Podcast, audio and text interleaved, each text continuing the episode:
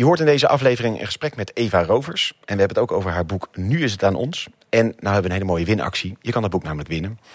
Dat doe je door een bericht op onze Twitter of onze Instagram te delen. Op Twitter een retweet en een like. Op Instagram post het bericht als story en tag ons. En dan verloten we onder de mensen die dat doen... vijf exemplaren van Nu is het aan ons. Oproep tot echte democratie, verschenen bij de correspondent. En nu veel plezier met deze aflevering. Ik heb, uh, ik heb met verbazing kennis genomen van die sms-gate rondom Rutte. Met, met die sms'jes die die Die sms'jes, die oude Nokia, die, uh, die, die allemaal verwijderd moesten worden. Wat een navelstaderij was mijn gevoel. Als in, er zijn belangrijke dingen in de wereld te bespreken. Waarom moeten we het hier over hebben? Ja, en ik snap wel dat het, dat het raakt aan iets, die sms'jes. En Rutte heeft veel uh, dit soort zaken om hem heen hangen. Maar het is ook een beetje wel echt een interne discussie aan het worden... volgens mij, die ze daar voeren met elkaar in Den Haag. Ja, nou, ik weet niet of misschien het debat zelf... Kijk, ik vind het onderwerp wel heel belangrijk. Het gaat over vertrouwen. Het is een fundamenteel principe. Dat je openheid van zaken kan bieden als het nodig is. Dus daarmee is het wel een van de fundamenten van de rechtsstaat... die in zekere zin wordt aangetast. Maar ik ben wel mee eens, denk ik, dat het debat erover heel snel... een Haagse side dish werd. Ik moet zeggen, ik heb het ook niet heel erg op de voet gevolgd. Ik ben hier een beetje over opgewonden en het daarbij gehouden. Maar ja, alleen maar als er al een crisis is... dat je dat niet oplost met zo'n debat of met zo'n in-crowd debat. Nee, precies. Maar ik heb breder hebben we het natuurlijk wel eens over dat ik wat cynisch ben... over hoe de huidige stand van zaken in de politiek is. En ik heb ook het idee dat er gewoon wat... Er zijn wel veel haken en ogen aan hoe het stelsel nu werkt. Je, mijn gevoel is dat het op veel punten op de achterste benen lopen. En een ding als referenda ja, volgens mij is dat op geen enkele manier een oplossing voor dat probleem. Daar worden problemen juist nog meer van platgeslagen. En dat gevoel heb ik ook, tegen. zeker. Ja. Nou, volgens mij uh, leuk onderwerp om eens voor te leggen aan uh, iemand die hier uitgebreid over nagedacht heeft. Eva Rovers, cultuurhistoricus en schrijver. Eva heeft biografieën geschreven over bijvoorbeeld Helene Kruller-Müller en Boudewijn Buug. Ja, een hoop omlauts even in een... Uh, ja, ja, ja, ja, ja, Dat, dit is wel een tongbreker, maar volgens mij kan het Ja, kwam goed doorheen. Ja, kan, dat ging lekker. En in 2018 verscheen haar boek Praktivisme, een handboek voor heimelijke rebellen. Eva schrijft onder andere voor NRC, Trouw en de Correspondent... en is medeoprichter van het bureau Burgerberaad. En wij spreken haar naar aanleiding van haar nieuwe boek. Dat is verschenen bij de Correspondent nu is het aan ons. Een oproep tot echte democratie. Veel plezier. Ja, veel plezier. Ik ben benieuwd. Dag Eva, mooi dat je het gast bent. ja, dank jullie wel. Dank voor de uitnodiging. Ja, nu is het aan ons, echte democratie. Um, hoe heb jij een beetje dit hele sms-gate... ik weet niet eigenlijk of wij die term zojuist zelf gemunt hebben... maar hoe heb je naar dat sms-gate gekeken? Uh, wat vond je daarvan? Uh, nou, met verbazing. Ik denk, zoals, uh, zoals meer mensen, aan de ene kant... Uh, puur de, de, de, praktische kant van een, een, een, premier die dus kennelijk überhaupt nog een Nokia heeft. ja, ja dat komt dus voor. Ja, ja, ja. Um, maar inderdaad ook dat, hè, dat, dat handmatig verwijderen en het echt ook niet gecontroleerd. Dus uh, op eigen inzicht. en ja, dan moet je aan de ene kant, eigenlijk zou je willen zeggen, we vertrouwen um, een premier om dat, om dat goed te doen. Maar ik denk dat het hele idee van een, uh, van een democratie ook is dat er controle is op, uh, op de politiek. En dat is op dit moment, ja, dat is in zo'n geval natuurlijk heel ver te zoeken. Dus dat is, dat is problematisch ook omdat ja, het, ook, het is ook een signaal naar de, naar de buitenwereld. En veel mensen hebben toch al, uh, nou ja, een, een, in het beste geval wat. wat uh, twijfels en in het minder goede geval uh, cynisme ten opzichte van de politiek. Dus dit soort dingen helpen dan natuurlijk ook niet om, uh, om wat van dat vertrouwen terug te winnen. Het is, gewoon, het is gewoon niet transparant. Aan de andere kant vind ik de hectiek die dan rond zo'n ja, ja. rond zo'n um, incident ontstaat, vind ik ook wel problematisch. Ja. Dat het, het nieuws toch dan weer drie, vier dagen daardoor wordt beheerst. Terwijl er inderdaad echt wel grotere problemen zijn. Um, en ook de manier waarop het debat wordt gevoerd. Van iedereen moet nog heel even zijn zegje doen. En het, het, ik heb niet het idee dat we nou echt heel veel verder daarmee zijn gekomen. Nee. Dus, um, en ja, en wat sowieso, ik vind het ook symptomatisch voor dat um, ja, de, de crisis van de dag toch heel erg nou ja, de crisis van de eeuw of de crisis van het decennium overheerst. Ja, dus ja, de, de, korte termijn is ongelooflijk over dominant ten opzichte van problemen die op de langere termijn spelen en die fundamenteler zijn. En ja. dat vind ik misschien nog wel het meest kwalijke eraan. Zou je ook zeggen dat dat het grootste probleem met de democratie in Nederland zoals het er nu voor staat is zeg maar, dat die korte termijn zo prevaleert? De Ja. heigerigheid. Ja. Ja. Ja, en de heigerigheid, dat is dan inderdaad die wisselwerking eh, politiek en media. Ja. Ehm, maar eh, los het nog van, de- dat, van de heigerigheid, ook gewoon echt door de manier waarop wij het eh, democratisch systeem op dit moment georganiseerd hebben. Waarbij verkiezingen een, toch ehm, ja, de, de- de- het tempo eigenlijk bepalen. En je ziet dat eh, op de dag na de verkiezingen begint de volgende campagne. Hmm. En dat is heel erg bepalend voor eh, inderdaad het soort be- eh, debatten dat gevoerd wordt, eh, de manier waarop die debatten gevoerd worden, eh, maar ook eh, besluitvorming rond bepaalde eh, problematieken. En je ziet dat eh, veel problemen, noem eh, het stikstofprobleem, dat we- is eigenlijk al jaren bekend. Ja. Klimaatprobleem, hetzelfde verhaal. Ja. Dat het niet zo heel erg goed gaat in de jeugdzorg. Hè. Dat, dat, dat is, het is niet van afgelopen half we geen jaar. incident Nee, voor nodig om dat eh, Nee, nee, nee. Dat zijn, dat zijn echt problemen die. eh, en eh, huizenmarkt, volkshuisvesting, hetzelfde verhaal. Maar dat wordt toch iedere keer eh, vooruitgeschoven over het, de heg van het volgende kabinet Ja. heen eh, geduwd. En dan zie je dat dat soort problemen zich ontwikkelen tot crisis. Het stikstofprobleem is nu een stikstofcrisis. Het klimaatprobleem is een klimaatcrisis geworden. Ja. Eh, en niet om van alles een crisis te maken hoor, want dat is weer een ander probleem. Maar het is, je ziet wel dat het te lang duurt voordat ehm, dit soort problemen opgepakt of echt eh, effectief aangepakt worden. Eh, waardoor ze onnodig complex, onnodig ehm, eh, duur, maar ook onnodig polariserend worden. Ja. En dat, ja, dat vind ik wel heel erg problematisch. En dat komt inderdaad doordat toch die korte termijn vaak prevaleert over die lange termijn. Ja. En Ja. is dat dan ook de reden dat het eigenlijk het democratische bestel aan het dichtsmeren is nu? Dat het Ja, dat, dat het vastloopt, dat het dus heel erg in zichzelf gekeerd is. Ik denk Ja. dat we daar natuurlijk afgelopen jaar met de formatie alleen al een, eh, een Ja. eh, bewijs van hebben gezien. ja. Eh, veel debatten vind ik ook heel erg in zichzelf gekeerd. Dus wil niet iedereen over één kam scheren. Maar eh, je ziet vaak dat... Zij in Den Haag. Nee, nou helemaal niet. Want ik zie ook hoe ongelooflijk hard er gewerkt wordt. En ik heb ongelooflijk veel eh, respect voor Kamerleden die eh, in eigenlijk bizar korte tijd ongelooflijk veel werk moeten doen. Met vaak weinig ondersteuning.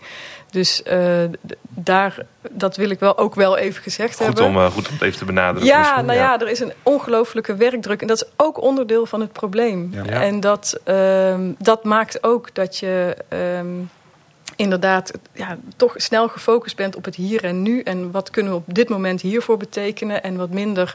eh, en wat betekent. Ja, echt even een stap terugnemen. Om even te kijken naar Ja. wat is het grotere plaatje. Waar willen we met z'n allen heen. Die ruimte is er gewoon letterlijk niet. Dus dat, Ja, dat, is, een, dat is een probleem. Aan de andere kant zie je ook. Maar goed, dat, dat is al door meerdere mensen opgemerkt. Dat ehm, het debat dat gevoerd wordt heel erg. ehm, dat bedoel ik met dat in zichzelf gekeerd. Eh, Vaak gevoerd wordt om te scoren. Om te scoren voor de partij, om te scoren voor jezelf als, eh, als Kamerlid. eh, om een, een goede quote erin te krijgen die hopelijk nog wat doet in de media of op social media. Ja. Ja, da- daar is het gemeenschappelijk belang niet bij gebaat, zeg maar. Nee. Dus dat, ehm, Nee, dat is echt partijbelang dan. ja. In je boek onderscheid je ook een paar van die problemen als het gaat over de democratie. Wat, wat trof jou het meeste als je nadenkt over die crisis? Je noemt het diplomademocratie, je noemt eh, toegestane corruptie, rechtsstatelijk falen. Dat zijn best wel massieve termen. ja, Eh, is het Ja. zo ernstig? Is het zo? Nou ja, ik denk dat het alles bij elkaar wel ernstig is, ja. Ehm, ik, wat ik zelf echt een heel groot eh, probleem vind... en nou, wat, wat eigenlijk ook ten grondslag ligt aan heel veel andere problemen... is inderdaad die diploma-democratie. Dus dat je ziet dat eh, Nederland, 65% van de Nederlanders... heeft maximaal een mbo-diploma. In de Tweede Kamer is dat 5%. Ja. Dus het, hè, de Tweede Kamer hoeft niet een exacte afspiegeling te zijn van de samenleving. Maar zulke verschillen zijn echt te Ja, groot. precies. en dat zorgt ervoor dat ehm, eh, de, de plek waar, waar de besluiten worden genomen, waar nagedacht wordt over hoe we de samenleving gaan invullen, dat daar ehm, een, toch een heel andere groep mensen zit met een, Ja. met een eh, ander wereldbeeld, andere belevingswereld dan een groot deel van Nederlanders. En dat zie je ook in beleid terugkomen. En dat, dat is heel erg problematisch, omdat je daarmee een groot deel van de samenleving ook vervreemdt Ja. van de politiek, vervreemdt van de democratie.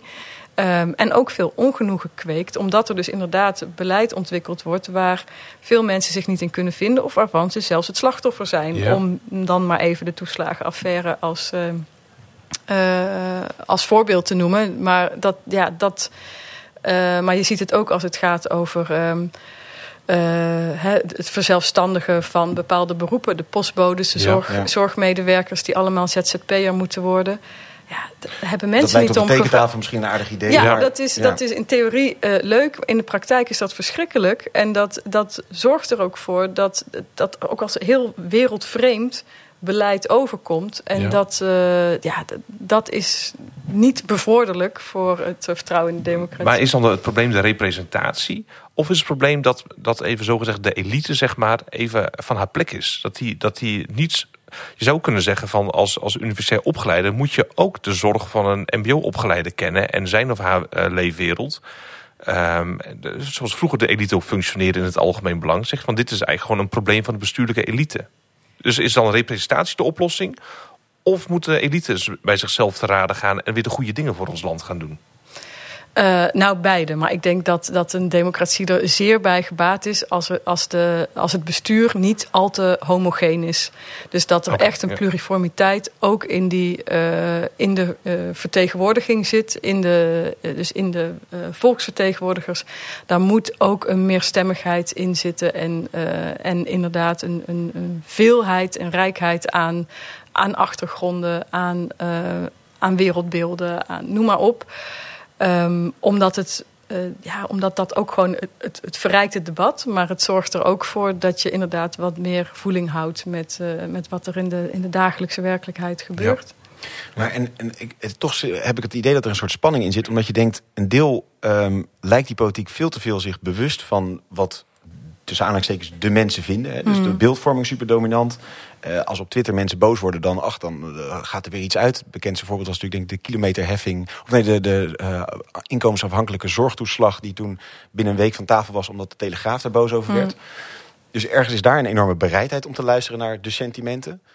En aan de andere kant ehm, eh, roep jij nu dus aan het op, betrekt dat eigenlijk meer mensen, Ja. dat perspectief ontbreekt. Terwijl je zou denken, ja, als mensen wat verder van die dagelijkse praktijk zouden afstappen, die politici wat meer zouden denken, joh, laat die waan van de dag, ik richt me even op de grote uitdagingen. Het is haast bij een soort, klinkt van mijn kant nu als een pleidooi voor technocratie juist. Van joh, stikstofcrisis, los wat de mensen ervan vinden, gewoon regelen. Ja, de goede dingen doen, ja, ja, ja. En laat juist iedereen even in de Ja. waan van dat het gewoon al, eh, laat zij hen die kleine crisis, en dan Ja. regelen wij ondertussen het echte dingen. zijn. Ja, maar ik denk dat er een verschil zit tussen de waan van de dag en de dagelijkse praktijk. Eh, en ik denk dat dus inderdaad social media ehm, en misschien de media aan zich ook niet de beste graadmeter zijn om te achterhalen wat er in de samenleving leeft. Eh, omdat het dan toch vaak de, de, de mensen zijn die het hardste schreeuwen, die het makkelijkste toegang hebben tot de media. ehm, de mensen die het. je hoort dan toch vaak de, de, vooral de Polen, de uiterste van, eh, op het, op het, eh, van het publieke debat.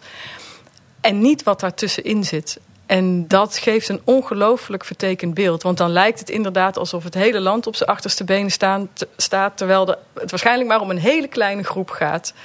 Dus dat, die waan van de dag is sowieso geen goede graadmeter. En dat geldt eh, eh, voor, ook voor andere manieren waarop vaak geprobeerd wordt om dan inderdaad te peilen wat de bevolking ervan vindt.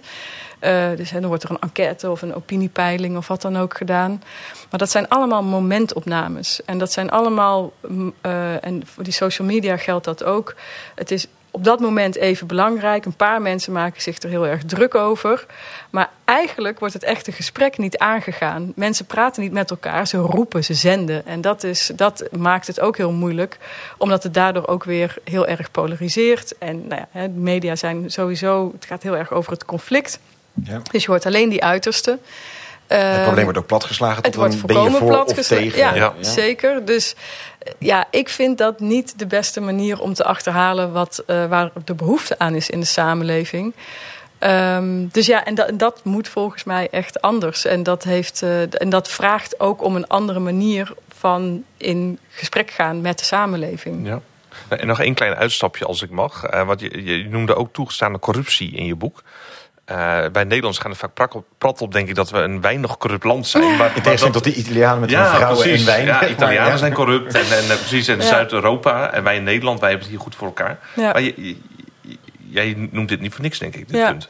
Nou ja, het is, ook, het is niet een term die ik zelf bedacht heb. Het is een, uh, dit gaat heel erg uh, um, over de manier waarop partijen gefinancierd worden.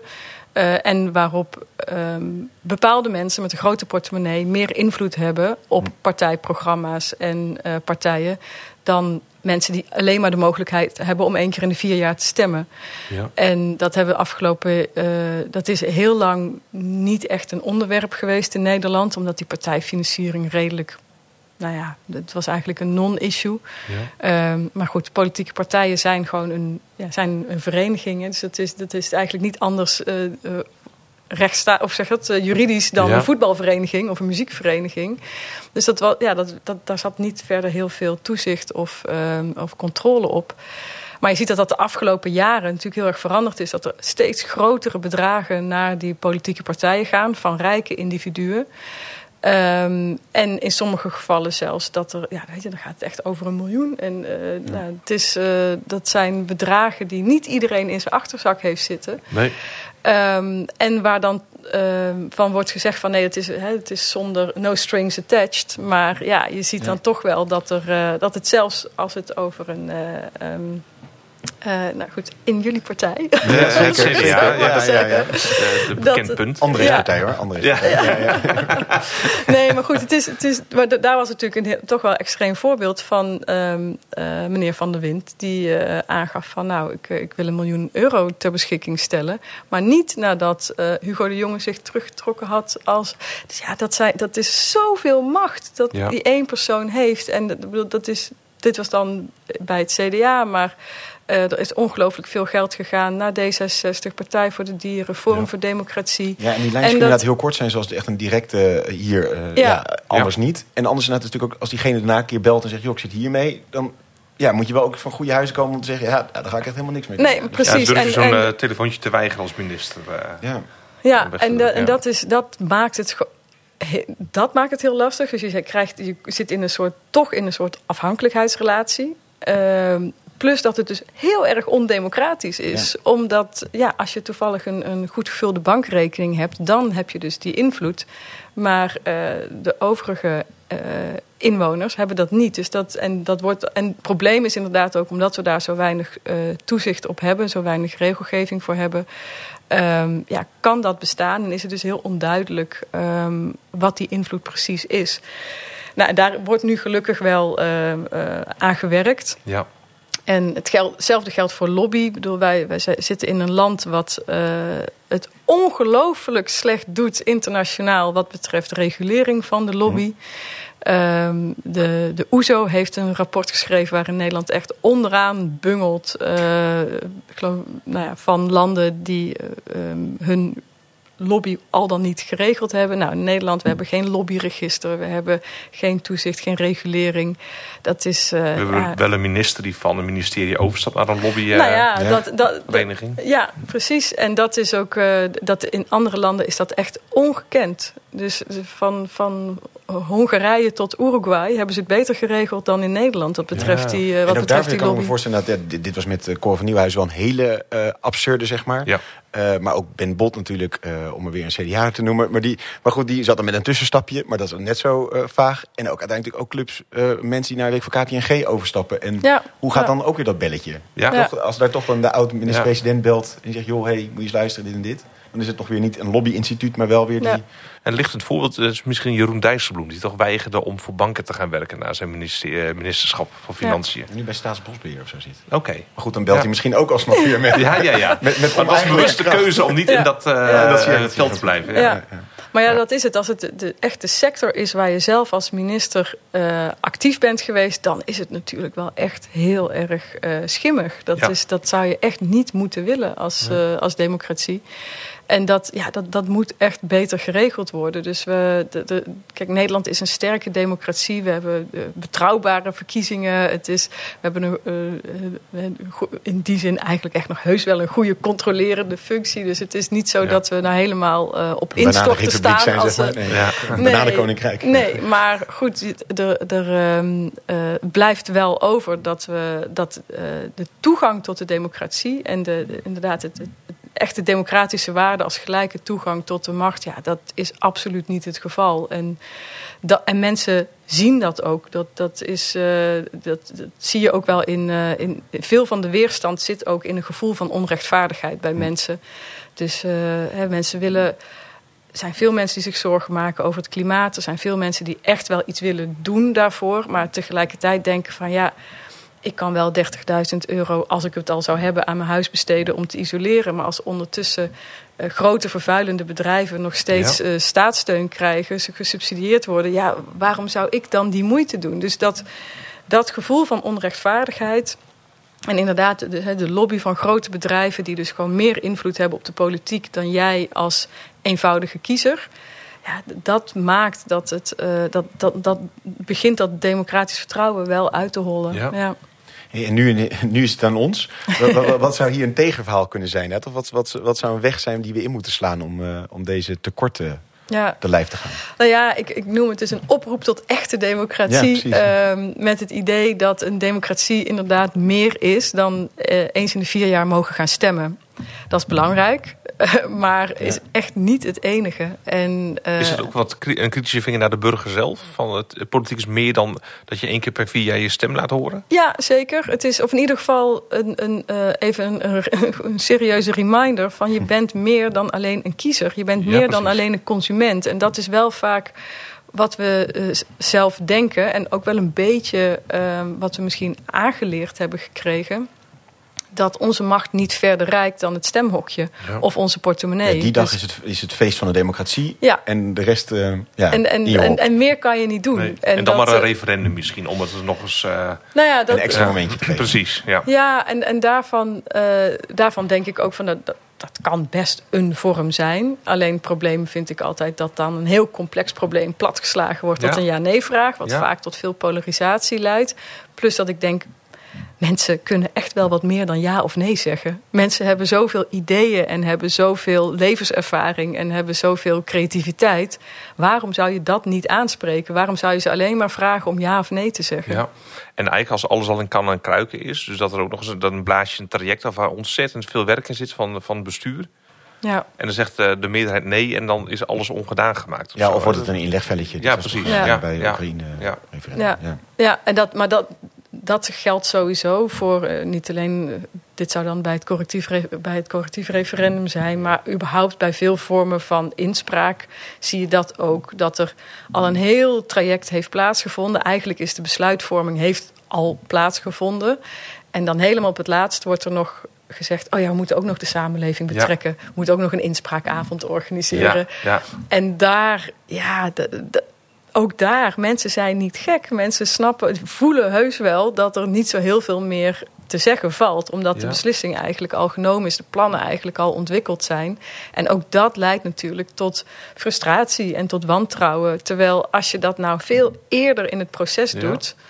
Als je veel eerder aan mensen vraagt van nou, er komt een opgave aan wat betreft uh, de energietransitie hoe kunnen we dat hier in deze gemeente of in deze regio gaan aanpakken? Dat is echt een heel andere vraag dan zeggen van ja, we hebben hier twee gebieden, jullie mogen kiezen waar de windmolens komen ja. staan. Dat is een compleet andere ja. vraag. En, en, wat maakt het nou zo spannend voor politici? Voordat we nog kijken naar van wat zijn dan vormen om, de, om die vernieuwingsslag te maken. Maar uh, we komen daar nog niet, uh, blijkbaar in Nederland. Van wat, wat maakt het nou zo spannend voor politici om wezenlijk burgers te betrekken? Of is het gewoon iets wat nog even moet gebeuren?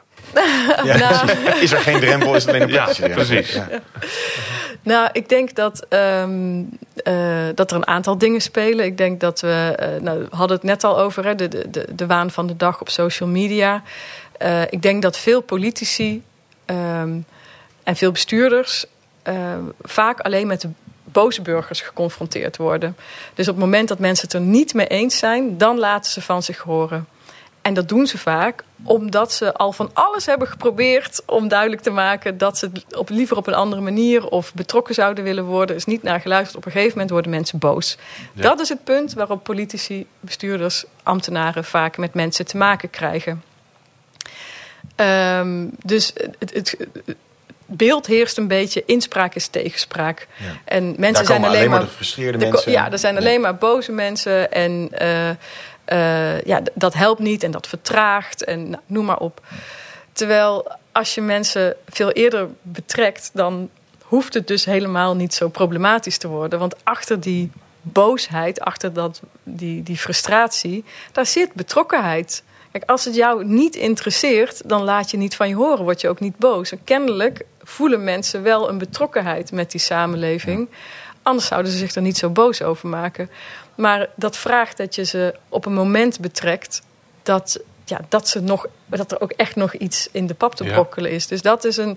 Dus de, de, het, het, ehm, de angst, denk ik, van veel politici dat het betrekken van burgers betekent dat je heel veel weerstand krijgt en heel veel tegenspraak krijgt. Ik denk dat dat voor een deel speelt. Um, en wat daarmee samenhangt is uh, vertrouwen van de politiek in, uh, ja, de, in, in, in wat, wat, heeft ehm, die vrouw om de hoek uh, in het ene flatje nou te, te, zeggen over klimaat, zeg maar? Ja. Dat, dat kan, ja, je zegt, joh, ik heb een hoogleraar gesproken.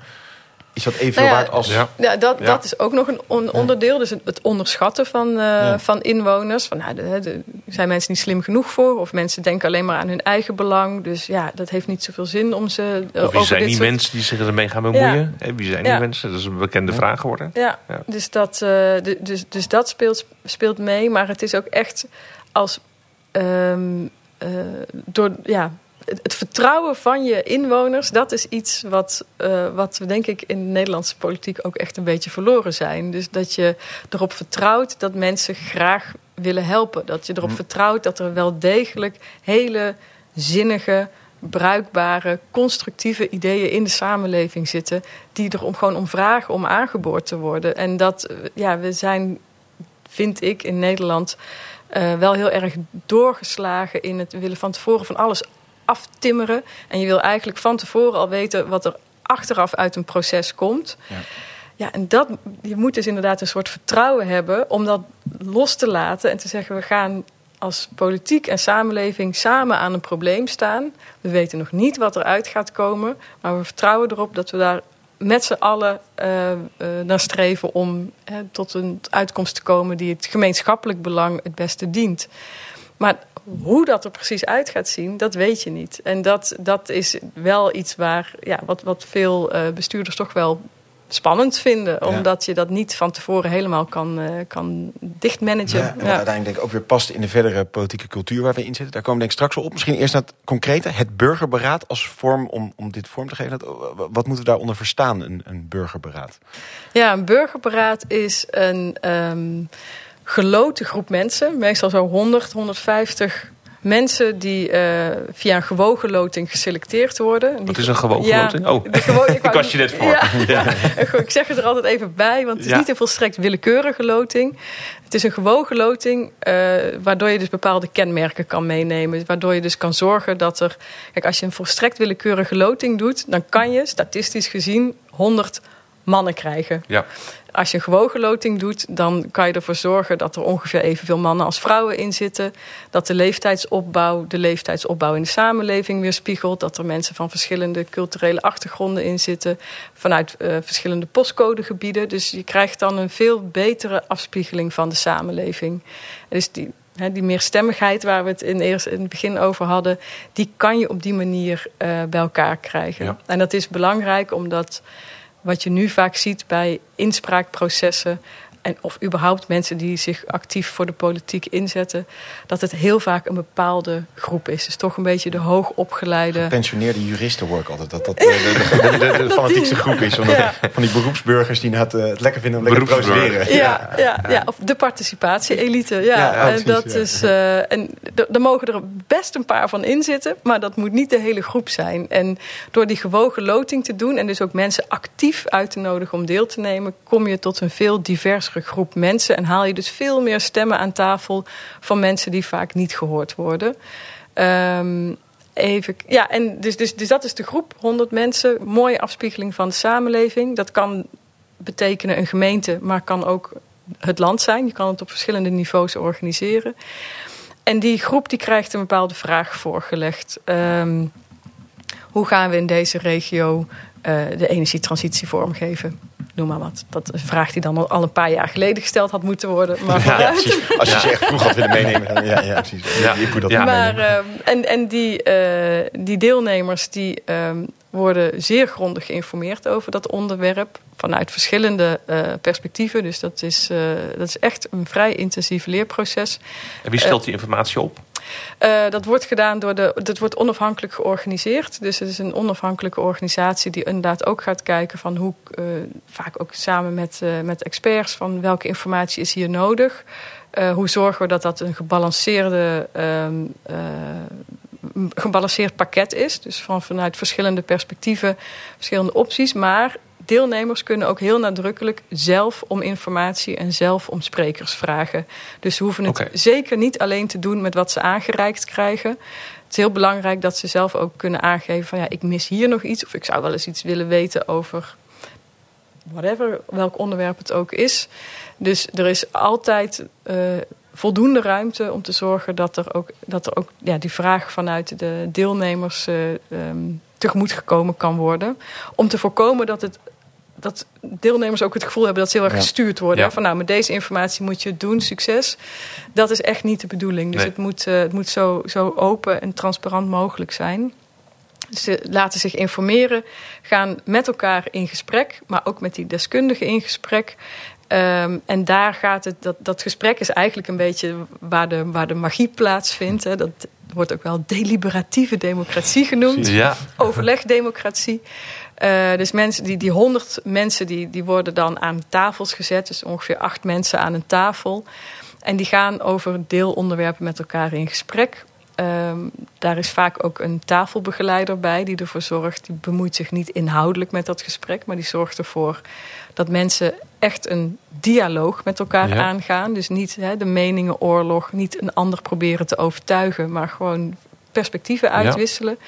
En vaak beginnen die gesprekken heel erg uh, breed en heel echt over onderwerpen als wat is voor jou belangrijk? Wat, wat zijn, welke waarden zijn voor jou belangrijk?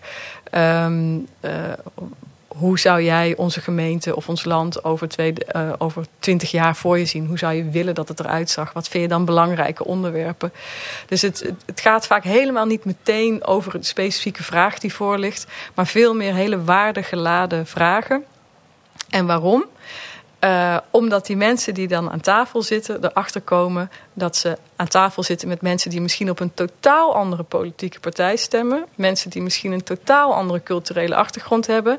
Maar hey, wel bepaalde ja. waarden met ja. elkaar delen. Ze vinden allebei solidariteit belangrijk. Bijvoorbeeld, bijvoorbeeld ja. ja. of, al het, of, of de familie, of de gezondheid, of nou, noem het maar op. Dat, dus dan, het gaat heel erg over het zoeken, eigenlijk een beetje naar waar kunnen we elkaar als mensen vinden? Wat herkennen we in elkaar? En als je dat uh, voor elkaar krijgt, dan, dan gaat het ook niet meer over de ander van je mening overtuigen, maar veel meer van oké, okay, we delen blijkbaar meer dan ja, dat we ja. Het onderwerp wat zich daarna aandient, benader je dus vanuit Precies, die bril. Ja. ja. Ja, dus dat, dat helpt heel erg om uh, voorbij allerlei ideologische uh, verschillen te kijken of culturele verschillen te kijken. En heel inderdaad heel erg meer naar het gemeenschappelijk belang. En uh, dus die, he, die mensen gaan, aan, gaan met elkaar in gesprek en proberen samen aanbevelingen te formuleren voor het probleem dat voor ligt. Die aanbevelingen worden uiteindelijk in een, uh, in een rapport gegoten. Dat wordt dan aan de politieke opdrachtgever overhandigd. En dan is het niet afgelopen, want dan komt natuurlijk het stuk dat die aanbevelingen ook politieke opvolging moeten ja. krijgen. Ja.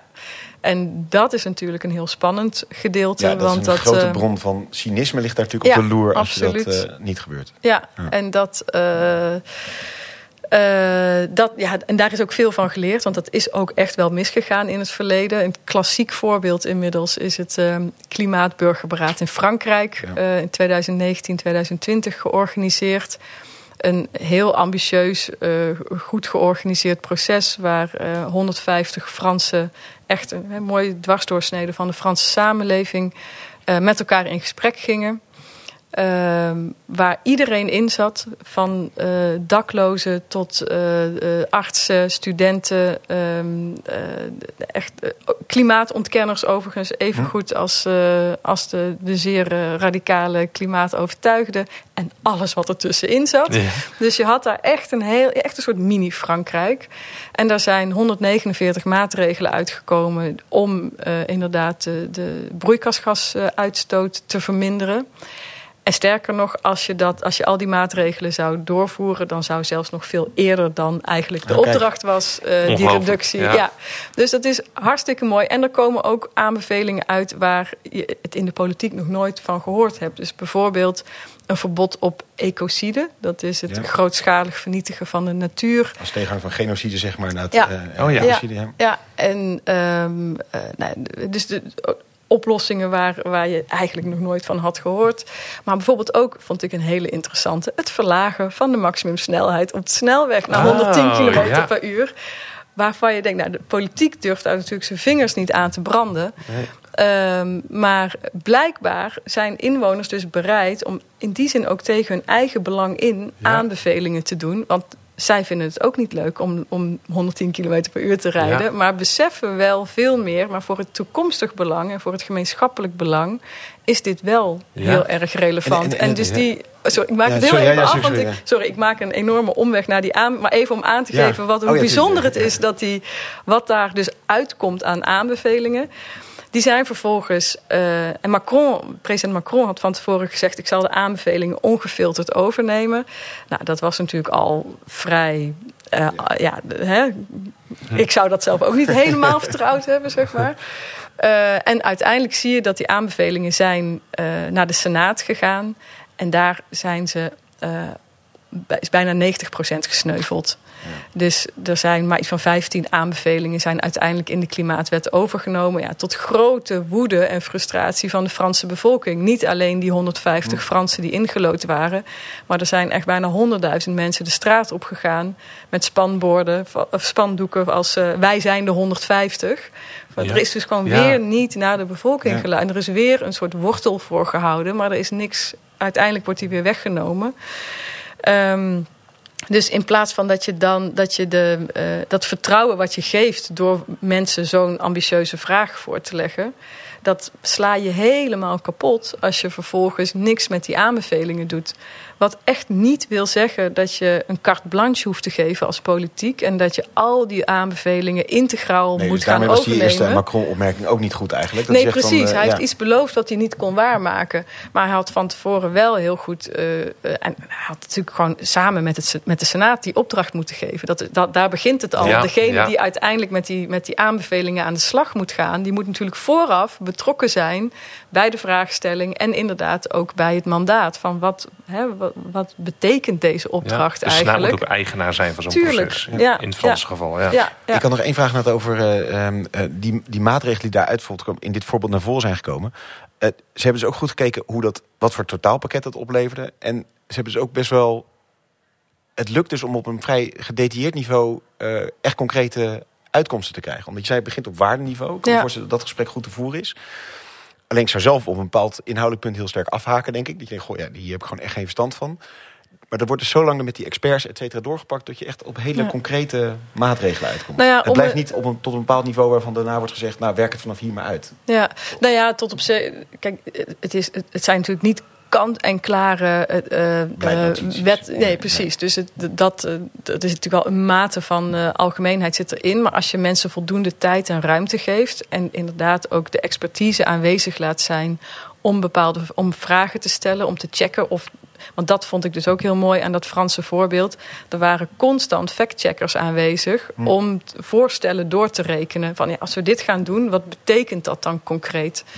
Uh, wat voor reductie levert dat op? En dat is natuurlijk heel essentieel. Dat soort informatie heb je natuurlijk nodig om inderdaad ja. uh, concrete, tastbare aanbevelingen, effectieve aanbevelingen te kunnen doen.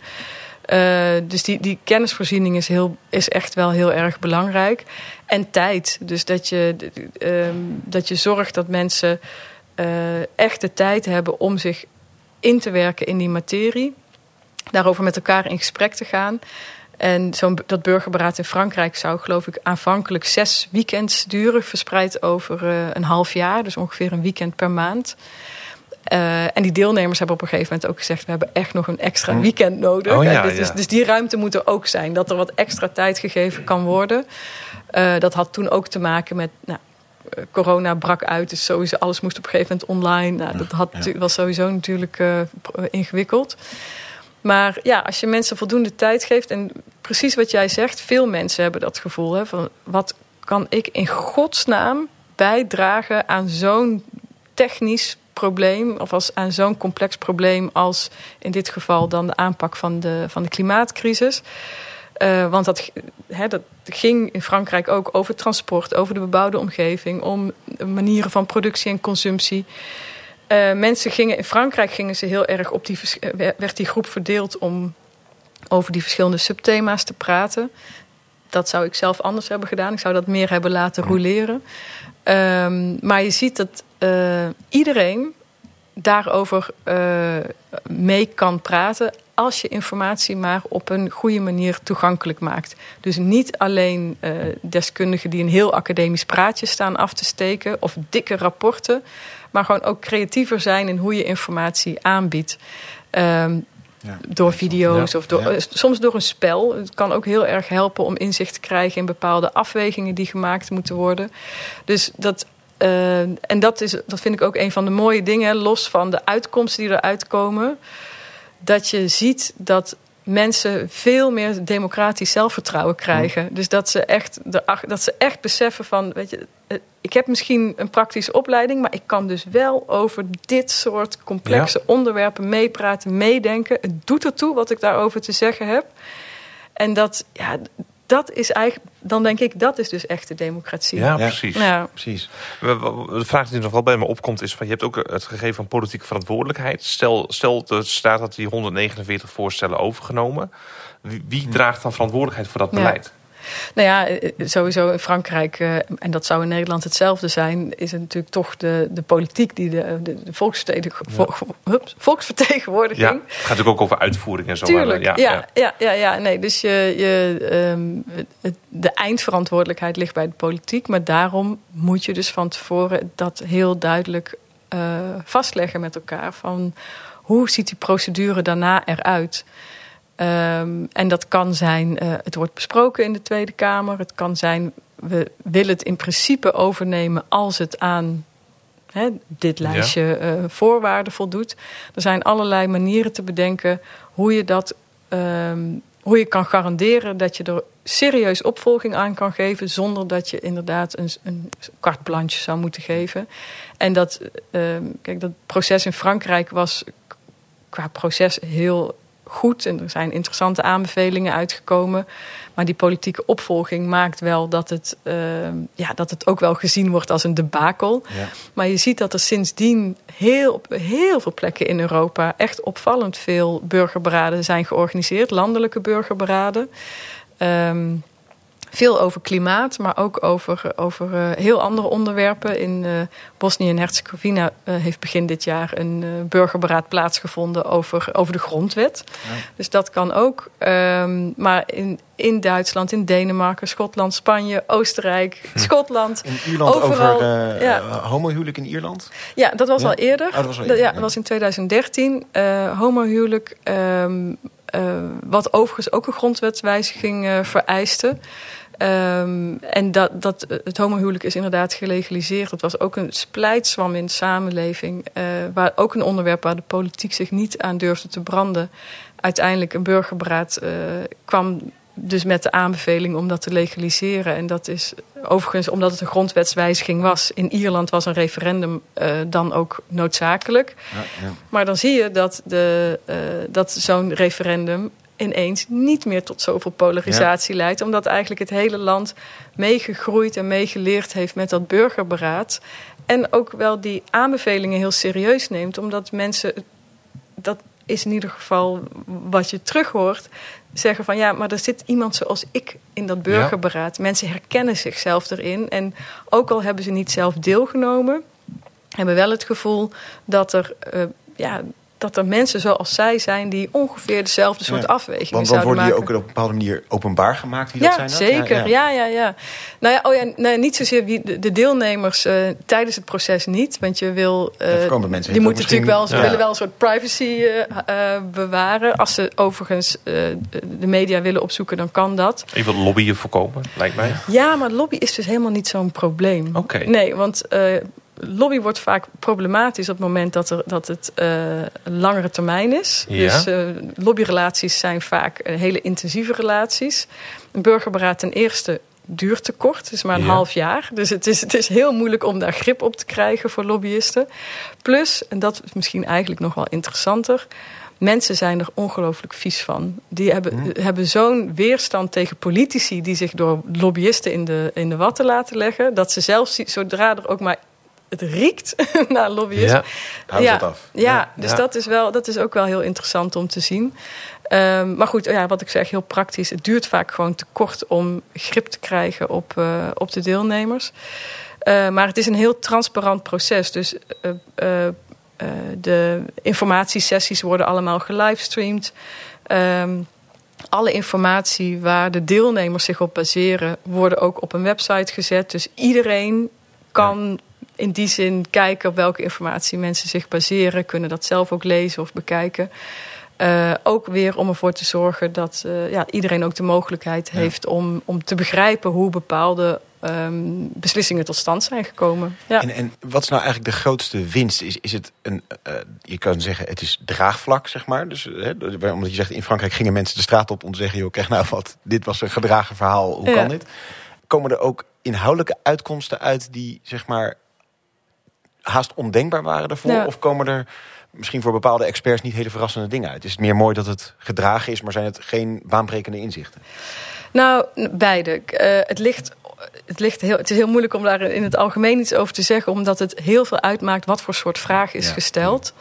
Ehm, eh, er komen soms inderdaad hele eh, spectaculaire uitkomsten uit. In de zin van veel ambitieuzer dan politici hadden gedacht dat mensen zouden willen eh, gaan. Dus dat is, dat, dat, het zegt ook iets over ehm, eh, dat inwoners vaak verder willen gaan of ambitieuzer zijn dan eh, politici denken. Dus het geeft heel goed inzicht in wat mensen, ja, wat mensen echt willen.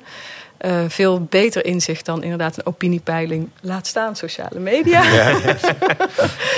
Ehm, maar dat kan soms ook inderdaad bevestigend zijn. Van dat er niet per se iets heel spectaculairs uitkomt. Maar dat je daardoor wel veel beter ziet van... ah ja, hier is duidelijk eh, wel steun voor. Ehm, dus dus het- ja, het is tweeledig. Aan de ene kant heeft het een, eh, heeft het een inhoudelijk voordeel. Dat er ehm, eh, inhoudelijk goede, constructieve, haalbare ehm, ideeën uitkomen... die echt gewoon voor beter beleid kunnen zorgen. Voor beleid dat ook veel meer gedragen wordt door de samenleving. Omdat het gewoon beter aansluit op de samenleving. Maar aan de andere kant is, en dat is misschien een minstens zo groot voordeel...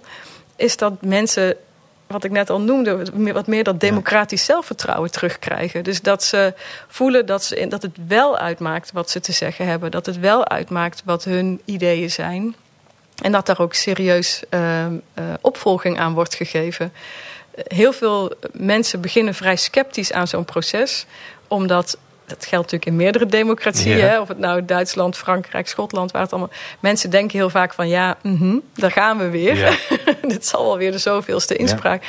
Dus ze beginnen er sceptisch aan, maar ze komen er eigenlijk bijna allemaal heel erg enthousiast uit, omdat ze merken dat ze, dat ze, ja, dat ze echt die, die tijd en die ruimte krijgen om, eh, nou ja, om, een, om burger te zijn. Hè? Ja. Dus om echt mee te denken, mee te praten, mee te beslissen over de toekomst van een gemeente of van een land. Ja. Dus dat, en ik denk dat we, ja, dat kunnen we bijna niet genoeg hebben. En dan Ja, beseffen mensen dus ook veel meer dat ze inderdaad meer zijn dan alleen maar die kiezer die eens in de vier jaar naar dat stemhokje gaat. En dat gaat soms niet eens over de, de uitkomsten, maar echt ook heel erg over het proces. En ehm, er is uh, vorig jaar uh, heeft er een heel mooi burgerberaad plaatsgevonden. Want op gemeentelijk niveau gebeurt het namelijk al wel in Nederland. Ja. Um, in Zeist, uh, Koos Jansen, de burgemeester daar, CDA-burgemeester. Om maar even wat Jouw partij. Ja, ja. Hij is in, al een paar keer langsgekomen in andere setting deze aflevering. Oh. Dus goed om even het positieve ook ja. te benadrukken. Nee, zeker. Maar die heeft, um, in Zeist was er een, een miljoenentekort op de gemeentebegroting. En toen heeft de gemeente uh, heeft de burgemeester inderdaad gezegd van nou, dit gaan wij dus niet alleen als politiek doen. Dit is iets wat de hele samenleving aangaat. Uh, dus wij willen graag aan de zijstenaren vragen hoe wij dat miljoenentekort het beste kunnen gaan, uh, gaan oplossen. En dat, heeft, dat is helemaal online gegaan. Het was tijdens corona. En daar zijn uh, hele mooie aanbevelingen uitgekomen. Waarvan inderdaad veel ambtenaren zeggen: Oké, weet je, het is allemaal niet, echt niet heel uh, um, uh, wereldschokkend. Maar wel heel erg concreet en heel erg ja. handig. En geeft dus ook heel goed inzicht in inderdaad waar liggen de behoeften en de zorgen van de, van de samenleving.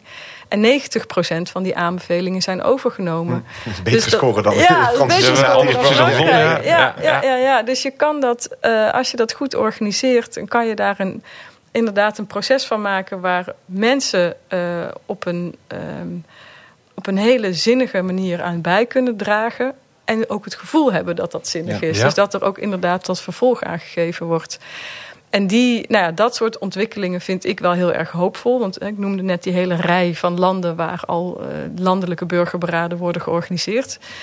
In Nederland gebeurt dat op gemeentelijk niveau hier en daar. Maar ja, ik zou inderdaad er wel heel erg voor pleiten om dit ook landelijk te gaan doen rond allerlei onderwerpen. Ja. En, en we begonnen natuurlijk met de zwaktes van het heden, uh, hedendaagse stelsel. Is dit zeg maar een toevoeging die een heel deel van die problemen gaat oplossen? Of moeten we ook op een bepaalde manier ja, andere troep opruimen, wil dit uh, een logische plek krijgen? En heel de helder, denk ik, die ja. inbedding, zo, die, die heeft ja. voor mij helder beschreven. Van, het moet voorkomen worden dat er iets heel interessants uitkomt waar volgens niks aan gedaan wordt. Maar uh, is dit in die zin een, echt een medicijn voor het geheel? Of is het, ja. ja moet er ook inderdaad uh, nou, ja, nou, dat andere denk, symptomen weggehaald worden? Ja, ik denk dat, ik denk dat het een heel, belangrijke, um, um, heel belangrijk instrument is. Het is een, uh, een verrijking van de representatieve democratie, een aanvulling erop. Het is niet een vervanging daarvan, wil ik er toch ook nog wel even expliciet bij zetten, zeggen. Um, maar het is, het is wat, waar het heel erg goed voor werkt, is inderdaad, het gaat die diploma-democratie tegen. Uh, het zorgt er dus voor dat mensen vanuit allerlei hoeken, vanuit allerlei lagen van de samenleving deel kunnen nemen. Um, op een inhoudelijke manier deel kunnen nemen aan de democratische besluitvorming. Het, uh, het is geen schijnparticipatie. Dus het, het, zorgt in plaats van dat het voor frustratie zorgt, zorgt het voor vertrouwen ja. in de democratie. Um, en het, ja, het levert gewoon uh, beleidsvoorstellen op die veel meer. Um, ja, die, dus die lange termijn en dat gemeenschappelijk belang centraal stellen. En ik denk dat we dat wel heel erg kunnen gebruiken. Dus het ja, is ja. een. Uh, ja, helemaal mee eens. Alleen wat ik dus. Het is, voelt bijna alsof je zeg maar iets heel. Uh, precairs een vaasje. Ja. Alsof je het in handen geeft van, van, onze politiek. En dat het dan binnen nood aan aangriezementen gaat, zeg maar. Omdat ja. uh, hoeveel politici zijn bereid om dit... Heeft zeker... de burgers wel, maar de politici nog niet. De politici niet. Nee, ja, mijn cynisme hoor je al eerder. Maar ja. dat, uh, de, de, durven ze dit aan? Zeker zeg maar, de zittende politici. Ik denk dat het veel spannender voor is. En dat is deels misschien omdat ik ze niet vertrouw. Maar ook deels omdat ik denk... Ja, zij worden weer afgerekend op social media en in de kranten. En weet ja. dus, dus het is ook een dynamiek waar ze zich in bevinden. En ja. van ja, durf jij het... Nou, bijvoorbeeld bij zo'n, vind ik homohuwelijk een interessant onderwerp. In Ierland, dat een stuk uh, katholiek uh, conservatief land. Durf je dan als uh, anti-homohuwelijk persoon dat te doen? Omdat je denkt, ja, we hebben nu nee we kunnen nu ja gaan krijgen. Weet je ja. dus, dus dat lijkt me het, spannendste. Nou ja, dat... En wat doen we kiezers dan? Hoe vind, ja. je, dus de, het moeilijkste lijkt om, om te krijgen, zeg maar, in een veilige context. Ja, nou ja, de, de, de, dat is dus inderdaad het, het, het vertrouwen weer. Hè, dat je, uh, je moet, je geeft eigenlijk een, een, een vraag met echt een, een open einde. Je weet niet wat eruit gaat komen. Uh, de vraag is altijd, moet altijd neutraal zijn, niet sturend, open. Dus dat, ja, dat je weet van tevoren niet wat eruit gaat komen. En dat vraagt inderdaad wel om wat, om wat lef en wat vertrouwen van, van politici. Um, maar ik denk, ik heb toch wel goede hoop. Omdat inderdaad in de landen om ons heen zie je ongelooflijk veel en snelle ontwikkelingen. De Bundestag heeft twee weken, drie weken geleden nog aangegeven... dat ze regelmatig landelijke burgerberaden willen gaan inzetten... rond allerlei thema's om ik citeer, de besluitvorming te verbeteren. Dus dat, he, Goede hand in eigen boezem eigenlijk. Nou ja, ja, En dat, maar ook omdat ze inmiddels hebben gezien dat het werkt. En dat, het, uh, dat er goede aanbevelingen uitkomen. Dat het inderdaad uh, uh, het vertrouwen in de politiek en in de democratie verbetert. Um, dus dat, ja, het, het, het, is echt een, het is een meerwaarde. Um, en in, ja, in, in veel andere landen zie je dat dus ook. Dus ik heb wel het En inderdaad, wat ik zei, gemeente, op gemeentelijk niveau gebeurt het al op een paar plekken in Nederland. En natuurlijk, het gaat al, niet altijd perfect en er gaan dingen mis. Uh, of er kunnen dingen beter, laat ik het zo zeggen. Maar um, die eerste stappen die zijn toch wel echt gemaakt inmiddels. Nou, de OESO e heeft een uitgebreid onderzoek gedaan. Bijna 600 uh, eh, van dit soort processen wereldwijd onderzocht. Het is heel duidelijk wat de, uh, wat de, wat de randvoorwaarden zijn. Hè? Dus hoe organiseer je het zo goed mogelijk, zodat er ook... Ja, dat je gewoon ervoor kan zorgen dat die uitkomsten inderdaad ook optimaal zijn. Um, er stond volgens mij ook bij van doe het niet één keer, maar vaker.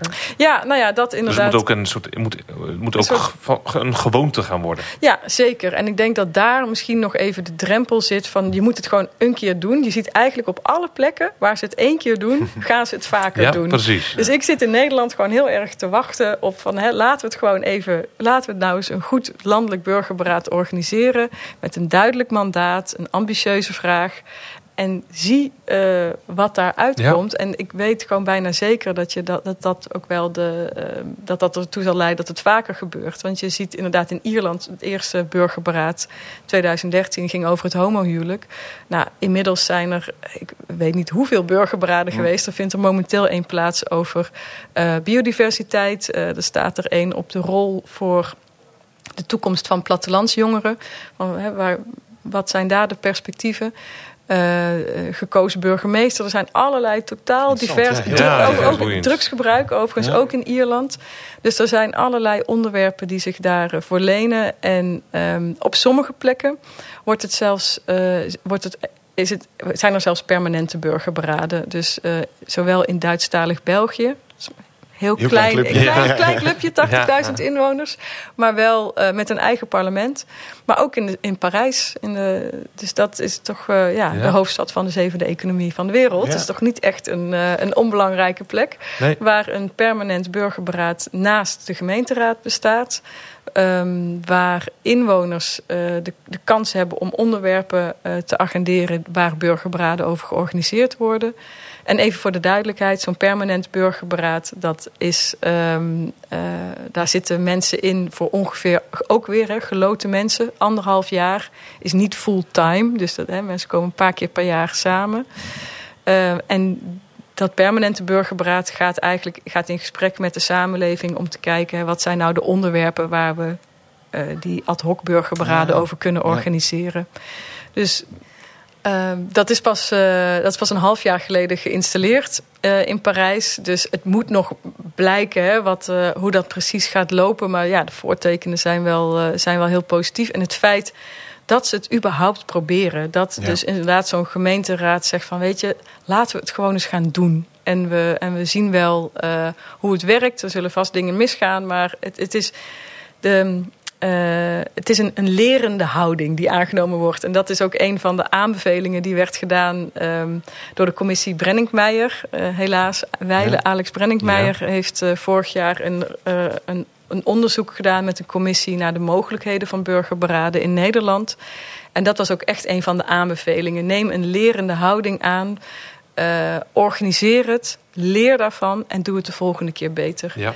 En dat, uh, ik denk dat we in Nederland inmiddels uh, nou ja, zoveel voorbeelden hebben uit het buitenland en op lokaal niveau, dat we echt wel ja. op landelijk niveau dit kunnen gaan doen. En overigens, het is ook niet echt de eerste keer, want Nederland was in 2006 allereerste Europese land dat een burgerberaad organiseerde. Het Burgerforum Kiesstelsel. Je wil zeggen, in 2006 is er iets gebeurd toen. Ja. Op initiatief van D66. Ja, eh, eh, daar- Pechtold had dat, Ja. eh, dat geïnitieerd. En eh, dat ging dus inderdaad over het kiesstelsel. Ehm, eh, een vrij abstract onderwerp. Eh, maar daar zijn dus ook hele zinnige eh, eh, aanbevelingen uitgekomen. Maar, en dan hebben we het weer over die politieke opvolging Niets meegedaan. helemaal niets mee gedaan. En dat had ook te maken met dat, er een, eh, dat het kabinet is gevallen. En tegen de tijd dat er aanbevelingen er waren, een nieuw kabinet zat. En die hadden natuurlijk inderdaad geen enkel commitment van tevoren uitgesproken Ja. voor dat burgerforum. Dus dat is wel, een, dat is wel in die zin een, een, een pijnlijk voorbeeld. Maar wat ik dan wel weer mooi vind, is dat. Is het twaalf jaar later. ehm, eh, de, parlementair, eh, of eh, de commissie parlementair stelsel nog aanbevelingen van dat burgerforum Ah, heeft ja. meegenomen Ja, in, in, de- in dat rapport weer. Dus ook maar weer om aan te geven, het waren dus wel zinnige aanbevelingen. Ook daar kwam, kwam veel, veel interessants uit. Ja.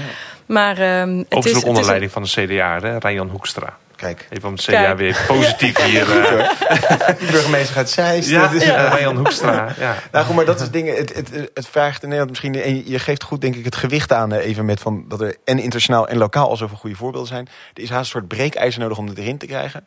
En dat lijkt me het enige lastig dat de politieke cultuur momenteel in ieder geval daar wel haaks op staat. Zeg maar. Mm. Dus het is inderdaad wat je aardig zei van een stapje terug doen.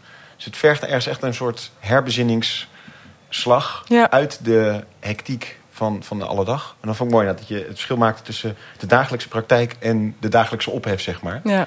Het zou mooi zijn als dat lukt om die eh, dagelijkse praktijk wat... eh, ja, die meer naar voren. Ja. En er moet toch iets van ruimte gecreëerd worden. Zoiets. Ja. Ja. Het- Maar ja, daar zijn we dus inderdaad met Bureau Burgerberaad heel erg hard mee bezig. Om eh, eh, nou ja, niet alleen de politiek, maar ook in de samenleving... eh, dat überhaupt dat idee van burgerberaden bekender te maken. En inderdaad te kijken van nou, hoe kunnen we, wat is er nou nodig om die landelijke burgerberaden ook in Nederland eh, te organiseren. Dus wij werken eh, daar hard aan.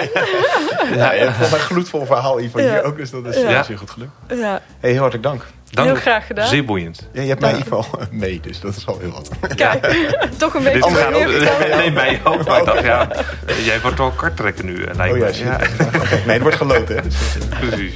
hey, dankjewel. Graag gedaan. Democratie betekent letterlijk dat het volk regeert. Het volk laten regeren is echter lastig als je met miljoenen bent. Napoleon had een oplossing voor dit probleem. Hij representeerde het volk. Dus eigenlijk regeerde het volk door middel van zijn persoon. Deze oplossing bevredigde echter niet.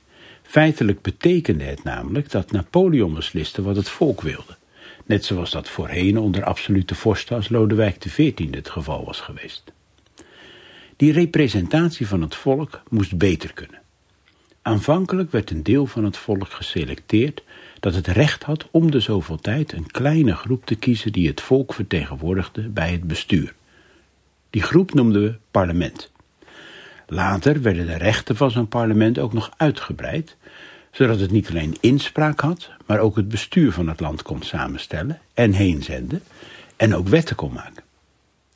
Maar hoe representatief was zo'n parlement als alleen maar een deel van het volk, zeg maar de elite, parlementariërs kon kiezen?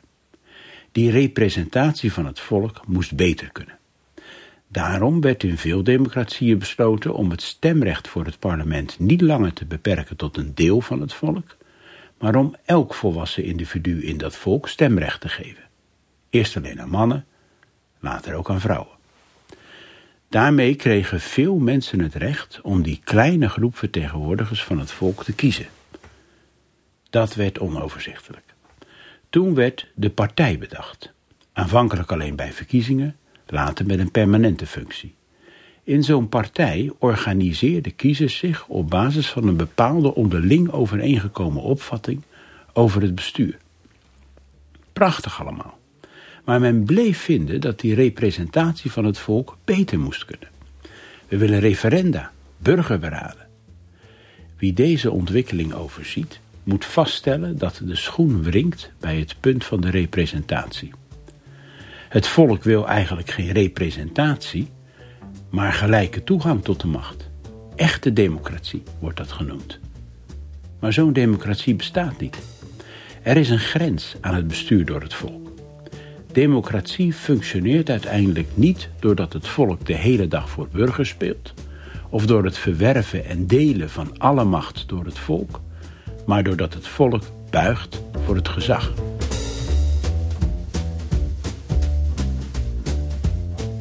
Aldus professor Dr. George Haring. Dank voor het luisteren naar deze aflevering. Wil je meer weten over het verhaal van Eva Rovers? Kijk dan op www.decorrespondent.nl slash nu is het aan ons. Volg ons vooral op Instagram en Twitter en abonneer je vooral in je podcast app om op de hoogte te blijven van nieuwe afleveringen.